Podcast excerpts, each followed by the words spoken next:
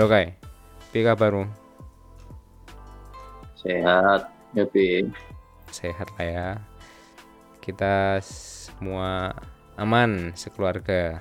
Jadi hari ini malam ini kita bahas apa? Bahas apa ya? Ini kita tuh udah di rumah aja itu udah berapa bulan sih? Hampir enam bulan ya kayaknya. Dari eh dari apa Maret ya? Ini udah gatel ya kan. Kalau dulu kan kita meluangkan waktu misalnya kayak kemarin liburan lebaran apa libur sekolah itu kan ngetrip toh ngetrip dolan mamane minimal mudik toh. Tapi kan kemarin nggak bisa. Yes. nek saat durunge di anak biar kan sih mikir wah mau jalan-jalan ke luar negeri gini dah saiki ya susah Iya, tambah pandemi yang menyebalkan ini. iya ya ngomong-ngomong aku ini jadi pengen ngobrolin waktu kita ke trip luar negeri kayak Oh, oke. itu Malaysia ya. itu trip yang sangat berkesan ya Banget sih. tapi mungkin sebelum cerita sampai ke situ aku yakin kamu itu adalah pengalaman pertama dan pengalamanku pertama kali ke luar negeri yo tidak kalah serunya lah nih aku lagi ngomong. Ya, coba ceritain aja. apa ya kenapa itu berkesan karena dulu banget sebelum akhirnya bisa keluar negeri itu aku kan punya impian punya cita-cita aku pengen ke Jepang nek nek aku ngarani ki aku harap munggah haji ning Jepang kan. Oke. itu itu itu keinginan seorang wibu ya, bisa bisa dikatakan gitu kan. Dan Terus terus? Ya semenjak ada keinginan itu kan nabung ngumpulin duit dikit-dikit gitu ya. Apalagi hmm, pada masa sekitar lima tahun tujuh tahun yang lalu ya. Sekitar ya kurang lebih 10 tahun terakhir inilah itu kan banyak pilihan penerbangan. Nggak cuma didominasi oleh Garuda misalnya tapi kan ada AirAsia gitu ya yang lebih Yes. murah. Sehingga aku pikir wow ternyata bisa juga ya dengan uang segini tuh ke Jepang. Karena bagiku dulu kayaknya ke Jepang tuh mahal banget. Nah seiring berjalan waktu gitu ya di, di kantorku yang lama dulu nggak tahu entah ini suratan takdir atau apa ya. Karena waktu aku di kantor itu di perusahaan itu levelku juga bisa dikatakan masih staff lah.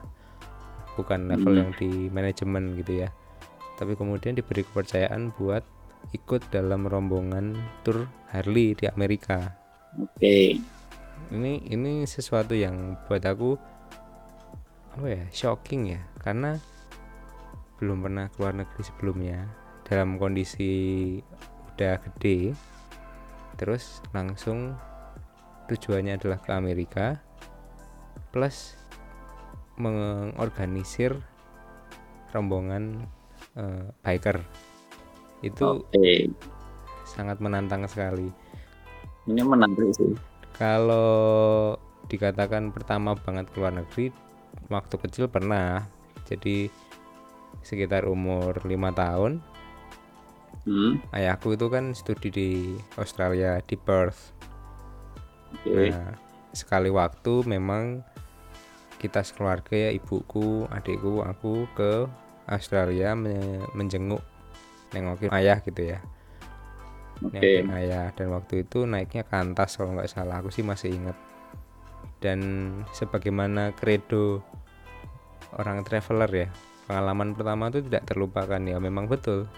Sampai sekarang juga aku masih sedikit mengingat lah suasana yang dirasakan ketika ke Perth pada masa itu. Salah satunya anginnya yang kencang banget. Ya itu pertama banget tapi kan waktu itu karena masih sebagai seorang anak kecil belum punya kesadaran serunya berada di luar negeri jadi kayak excitementnya belum kebangun ya nuansa excitement belum kebangun Oh iya benar. baru ketika udah gede kemudian ada kesempatan. Nah di situlah mulai apa ya membangun mimpi yang lebih besar lah. Ya tadi kan pertama kali keluar negeri langsung ke Amerika itu apa ya aku bisa katakan nggak semua orang bisa lah. Soalnya kan ngajuin visa Amerika lagi angel ngono kan. Angel dalam arti gak ono sing iso memastikan kowe iki pasti untuk visa iki ra ono. Yes benar dan itu betul-betul aku lihat di depan mata sih. Jadi ada satu peristiwa ketika kita mengurus visa di kedutaan besar Amerika Serikat ya di Jakarta Hmm.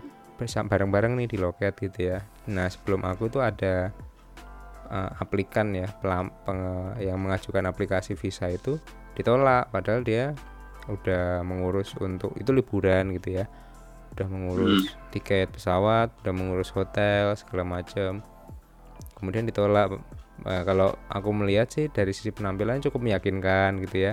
Emang tampang-tampang mau liburan lah gitu. Tapi ditolak dan dan sedangkan aku langsung diterima gitu. Paling cuma ditanyain satu dua hal. Misalnya tanya keluargamu kerjanya apa? gitu kayak kayak gitu.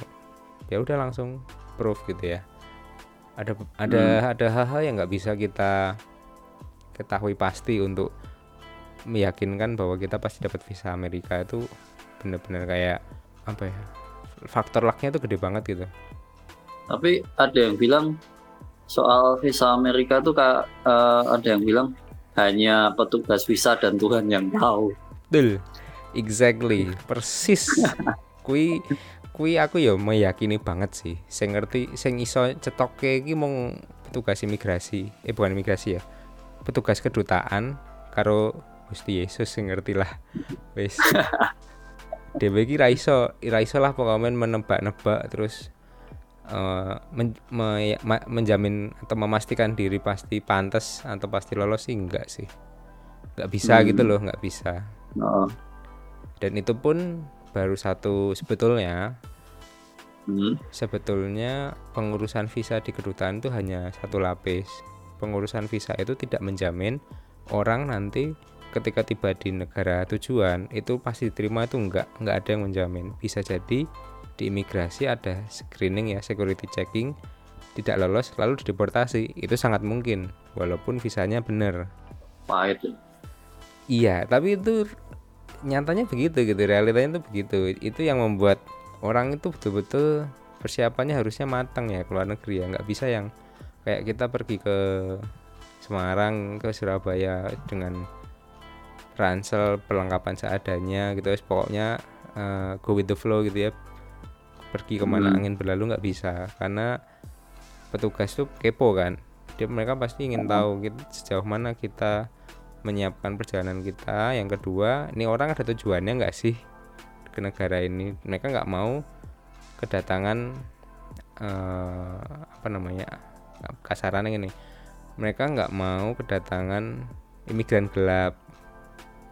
Hmm, nggak mau. Jadi mereka mau memastikan yang datang itu punya tujuan yang jelas dan kembali ke negaranya sesuai dengan peruntukan visanya dan itu alasan yang cukup logis sebenarnya ya logis tetapi Hmm, Bahkan sekalipun bagi orang yang sudah menyiapkan perjalanannya dengan sangat rapi, lengkap, juga tidak bisa menjamin bahwa dia itu pasti dapat visa, khususnya visa Amerika gitu. Itu yang membuat tingkat kesulitannya itu cukup tinggi. Nah, cerita lagi tadi ya, pengalaman ke Amerika itu oke. Karena tadi sebetulnya dalam rangka tugas kantor ya dinas gitu ya ada ada tanggung jawab pekerjaan yang harus dilakukan di sana sehingga pas itu ya aku menempatkan diri sebagai orang yang bekerja gitu. Jadi yo seneng seneng iyo tapi sidik lah sa sa kan loh yang pertama kan Iya. aku tidak punya pengalaman sama sekali ya tentang Amerika. Beda dengan misalnya orang yang udah bolak balik gitu jadi mereka bisa menentukan besok aku mau ke sini mau ke sini mau ke sini gitu udah tahu itinerary-nya tuh lebih jitu. Nah kalau aku kan nggak nggak ngerti Amerika itu ngopo gak ono bayangan blas babar blas dan itu pun ditambah lagi di sana mentalitasku tuh kru kan mental kru tuh kan ya pokoknya aku siap-siap lah ngangkut-angkut barang terus nyiap-nyiapin gitulah ngurusin registrasi di hotel nyiapin makan apa arrangement lunch arrangement atau dinner arrangement gitu lah. Pokoknya mentalitas kru. Gak nyongko nek pamanen yang Amerika aku aku kon go Harley. Nah aku wis gak nyongko blas aku. Oke. Okay. itu cuma cuma dibilang gini waktu di Jakarta pokoknya kamu siapin riding gear lengkap ya. Jaga-jaga nanti kalau ada yang butuh jadi butuh joki. Jadi eh, di kita itu sangat dimaklumi bahwa tidak semua biker itu punya stamina yang sempurna ya ada hmm. ada kalanya memang mereka capek sehingga membutuhkan pengganti uh, rider pengganti okay. kita sebutnya joki kenapa butuh joki karena motor itu harus selalu dikendarai jadi uh, touring itu touring itu tidak PP ya tapi one way oh oke okay. karena one way jadi semua peserta siapa pun itu baik dari biker maupun kru itu harus bareng gitu ya dari titik A ke titik B. Nggak ada ceritanya nanti kembali ke A itu nggak ada. Semuanya itu pasti harus ke B. Nah ketika sampai di sana aku kalau nggak salah waktu itu tahun piro ya? 2013 ya landingnya itu di Los Angeles. Itu di barat uh, West Coast ya. Barat Amerika hmm. lah dekat dengan San Francisco itu bagian dari California anginnya kenceng tapi ada yang bilang sedikit lebih hangat ketimbang East Coast seperti New York gitu ya. Itu cenderung lebih dingin. Nah di sana kita pas musim panas di bulan Agustus. Itu musim panas. Nah memang kenapa milih musim panas ya supaya kita bisa riding dengan cukup nyaman ya. Karena kalau dingin itu betul-betul menggigil gitu musim panas di sana itu berapa derajat? Sama aja dengan hujan di sini mungkin kebetulan ngambil rutenya itu rute tengah. Tergantung kan jadi gini. Amerika itu kan kontinen ya benua. Jadi dia hmm. satu pulau gede super gede.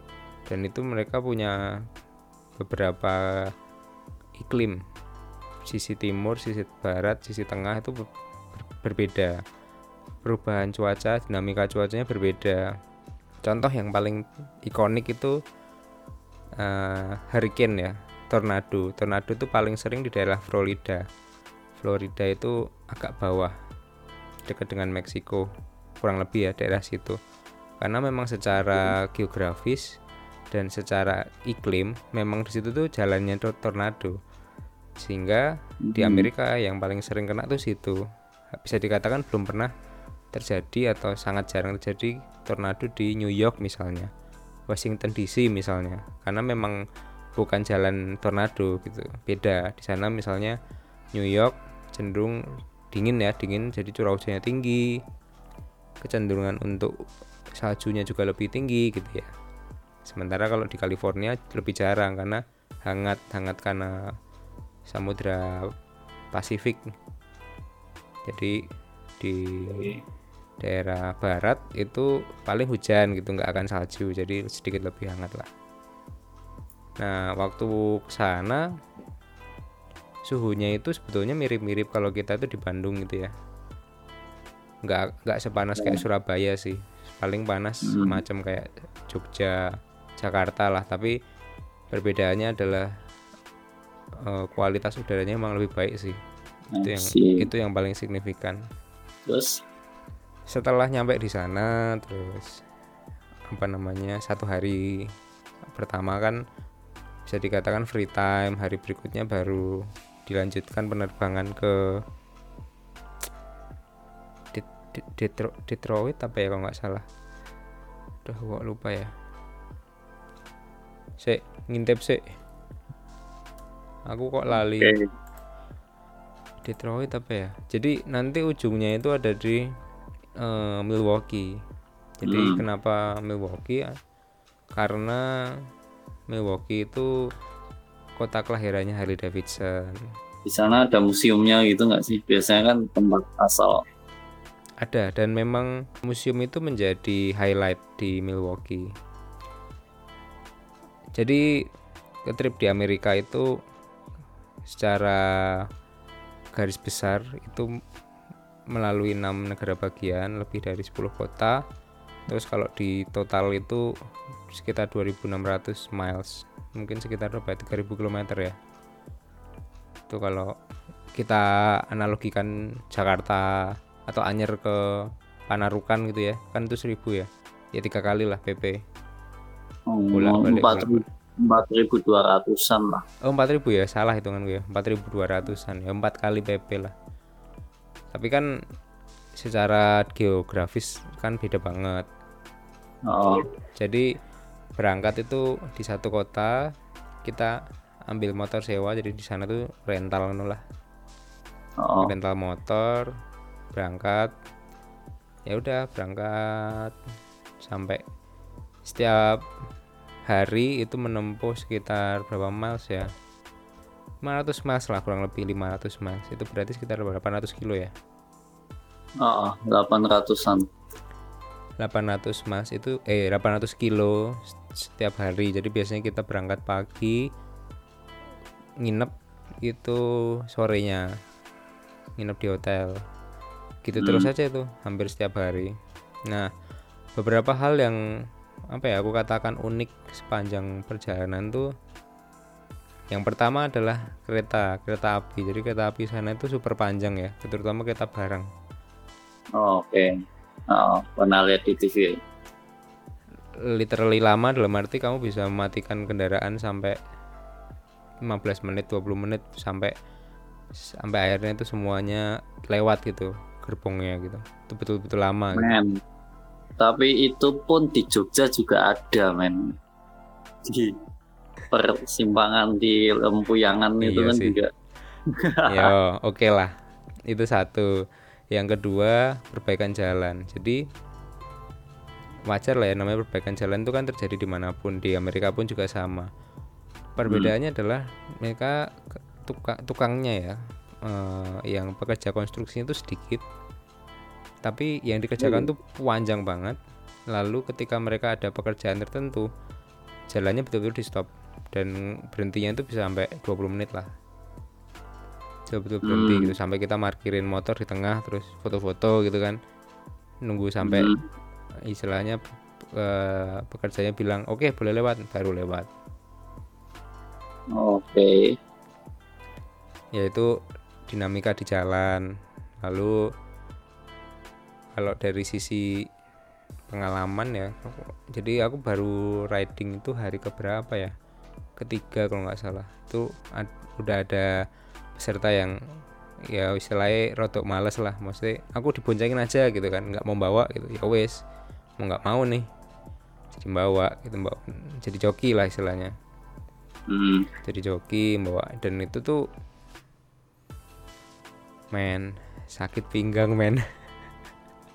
Itu adalah kata-kata pertama yang terlintas literally sakit pinggang itu rasanya kayak organ dalammu itu turun. Itu hernia.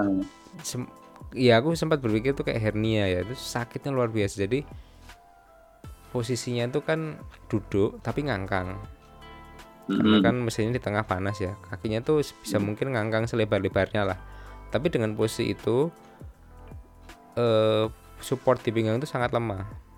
Nah ternyata belakangan setelah selesai touring aku baru menyadari bahwa para biker yang udah pengalaman mereka pakai cheat lah istilahnya yaitu mereka pakai korset atau atau back support namanya back support lah oh. kalau bahasa di yeah. ya korset mm. nah korset itu membantu supaya kita tetap tegak supaya organ dalamnya itu nggak kopiak-kopiak ah kira-kira ngono dan, oh, dan okay. dan sakitnya sedemikian rupa waktu itu ya sakitnya sedemikian rupa sampai ketika misalnya berhenti gitu ya itu nggak bisa duduk mm. udah.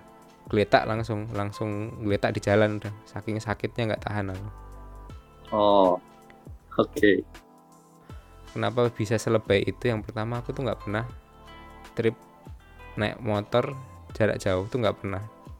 Di sini pun juga nggak hmm. pernah gitu sama sekali. Jadi itu pengalaman pertama juga bahkan untuk ukuran 4800 kilo itu ya itu gitu pengalaman pertama gitu. Dalam sehari di lahap segitu tuh baru di Amerika itu. Yang kedua kita kan jarang berhenti. Berhenti itu memang bila perlu. Biasanya kan makan isi bensin atau ngecek misalnya ada yang ketinggal atau apa gitu ya. Selebihnya kan di jalan terus kan ngegas terus. Yo nek pamane kecepatan 140 digeber mung setengah jam sak jam sih gak apa-apa. Lagi 6 jam ngono kan. 6 jam ngono terus kan apa ya lelahnya itu kerasa gitu lama-lama kan kerasa. Bertumbuk bertumbuk itu nggak lewat kota ya? Maksudnya kan kok lewat kota kan ada bangsu segala macam itu. Eh lewat lewat lewat. Nah kotanya ini tidak selalu big cities sering kali town atau kota kecil kalau Hmm. ya anggap aja kayak ning kene ya kayak Delanggu Klaten apa Mundilan Mundilan lah Mundilan gunung-gunung kuwi lah kalau kalau di film-film Amerika Hollywood gitu kan kayak jalan di tengah gurun atau Iya. persis Oke, persis itu itu kalau oke. kalau lewat di situ setengah jam pertama aja. Wah gayang enak. Wah, wah kenceng tuh enak tuh hawane wah freedom Amerika freedom. Habis, habis itu lima jam kemudian. Wes lonyoh ya aduh kapan tekan iki? Ora tekan tekan ket mau. Dalan ngene wae. Wis mulai jelek lho. Wah kapan tekan iki? Pom bensin yo ora ono. Nek pom bensin kan lumayan yo kayak mesti ngene sambil nunggu yo nek aku ngisiin bensin lah. Nama juga kru kan ngisi bensin. Tapi misalnya masih ada jeda waktu sekian menit biasanya aku bergegas menuju minimarket situ kan ada tuh apa namanya toko Oh, kecil iya. pasti ada Oh. gitu ya nah aku ki sok ndelok-ndelok ning kono pamane ana magnet lucu ra ya apa kadang-kadang aku nemu wah iki ono iki ki penthouse apa ono playboy kan koplak to Heeh. Nah, ngono-ngono kuwi kadang-kadang nek ra wah ono iki nih, ono Jack D, ono Jack D. Ono vodka, ono kan cilik-cilik sing lucu kan iso nggo cekelan lah ning dalan ngono kan nek pas ning hotel. Gitu, Hmm. mau kadang-kadang gitu dan itu menyenangkan gitu ya. yes semacam nemu harta karun Betul, bagiku itu apa ya? Gasoline stop atau berhenti di pom bensin itu jadi kayak side quest buat aku kalau pas di Amerika ini. Jadi aku mencoba mencari apa ya yang seru ya di sini karena di sana tuh kan tidak ada chain store macam Indomaret, Alfamart. Ya Hmm, gampangannya ini tiap toko lah sing duwe kan beda kan. heeh. Nah itu pasti stok di dalamnya itu pasti beda isinya. Apalah entah cemilannya, entah pernak-pernik itu pasti ono sing beda.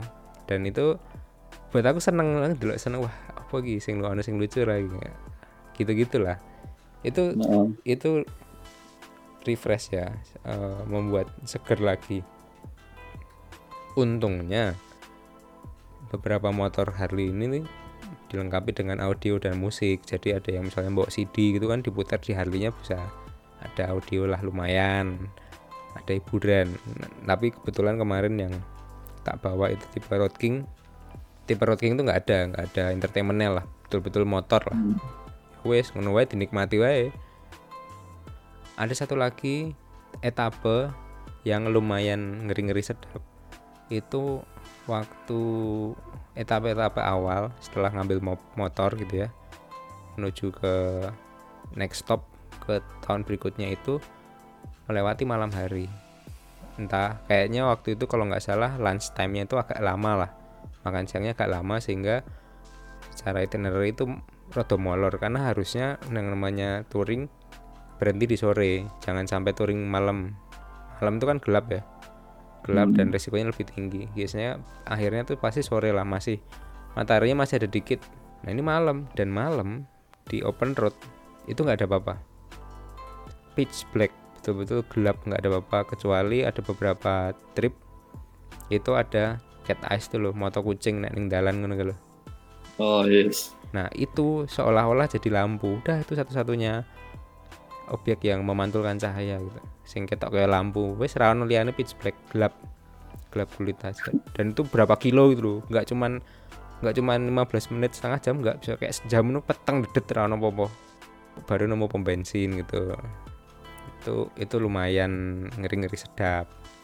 Terus ada juga etape hujan terpaksa karena waktu berangkatnya udah mendung ya nggak bisa ditunda show must go on gitu ya. Karena strict the itinerary kan. Dilalui aja tuh hujan. Hujannya men- mending nek udan udan banyu. Sesuai wat udannya udan watu pak. Oke. Hujan es batu es gitu gitu. ya. iya hujan es. Jadi produk produk produk produk waduh untung nganggo helm sing full face. Nek half face nih Hmm. oh, lumayan nih. Tek tek tek tek. Waduh. Oke itu menarik. Itu ya beberapa peristiwa yang terjadi di jalan gitu ya. Ya yang penting semuanya sih selamat sih di di perjalanan pertama ini selamat dan untungnya aku tidak nggak sendirilah ada atasanku yang yang memang dia udah beberapa kali ke Amerika gitu kan. Jadi aku assisting dia lah support. Dia butuh apa tolong pegang ini tolong ngurus ini. Ya oke siap ya wis lah pasrah lah. Wong aku ya ora ngerti. Dan bosku atau atasanku juga paham lah bahwa aku tuh bukan orang yang pengalaman ke Amerika gitu ya. Tapi makanya aku sangat bersyukur ya dapat kesempatan ini tuh.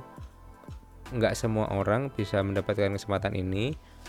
Tapi sed- sebagaimanapun itu dianggap sebagai sebuah pekerjaan tetap wae trip ngono loh ya ada ada ada sisi seneng senengnya ya ada benar sih ya tetap aja bakal ya itu menikmati hari dan segala macam itu Nah, hanya eh, dari sini ada beberapa hal yang jadi pelajaran gitu ya, yang membuatku jadi lebih apa ya?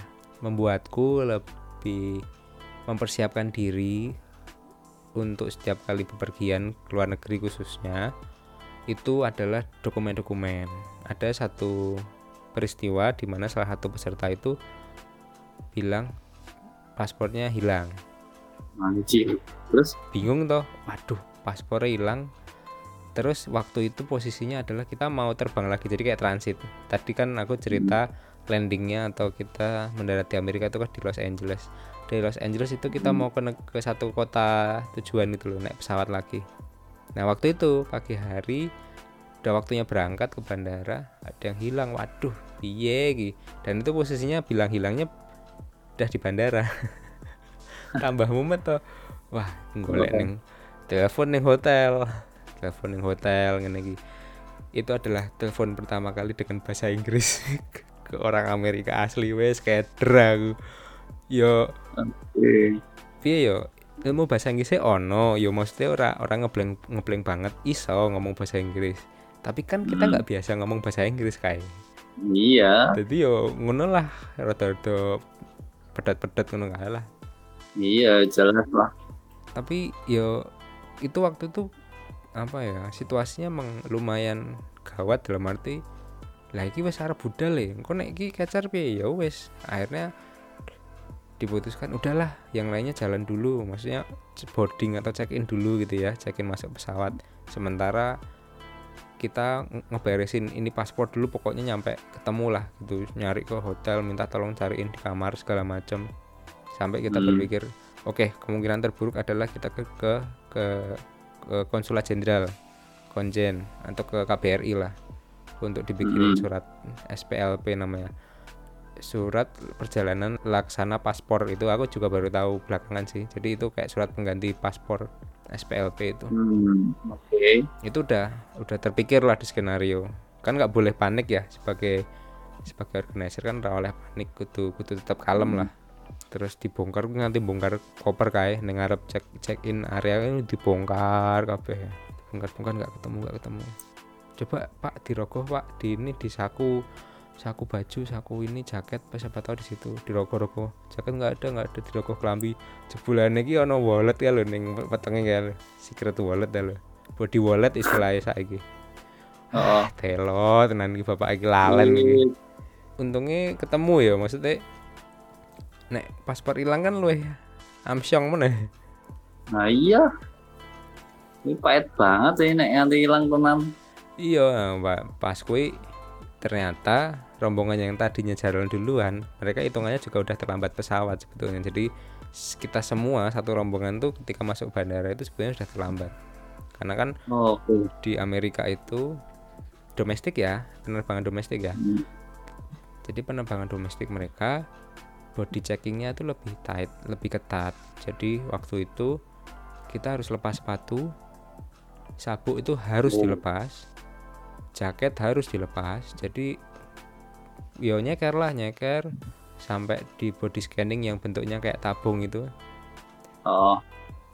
Dan karena prosesnya lumayan detail itu sehingga antriannya kan panjang toh jadi suwe toh.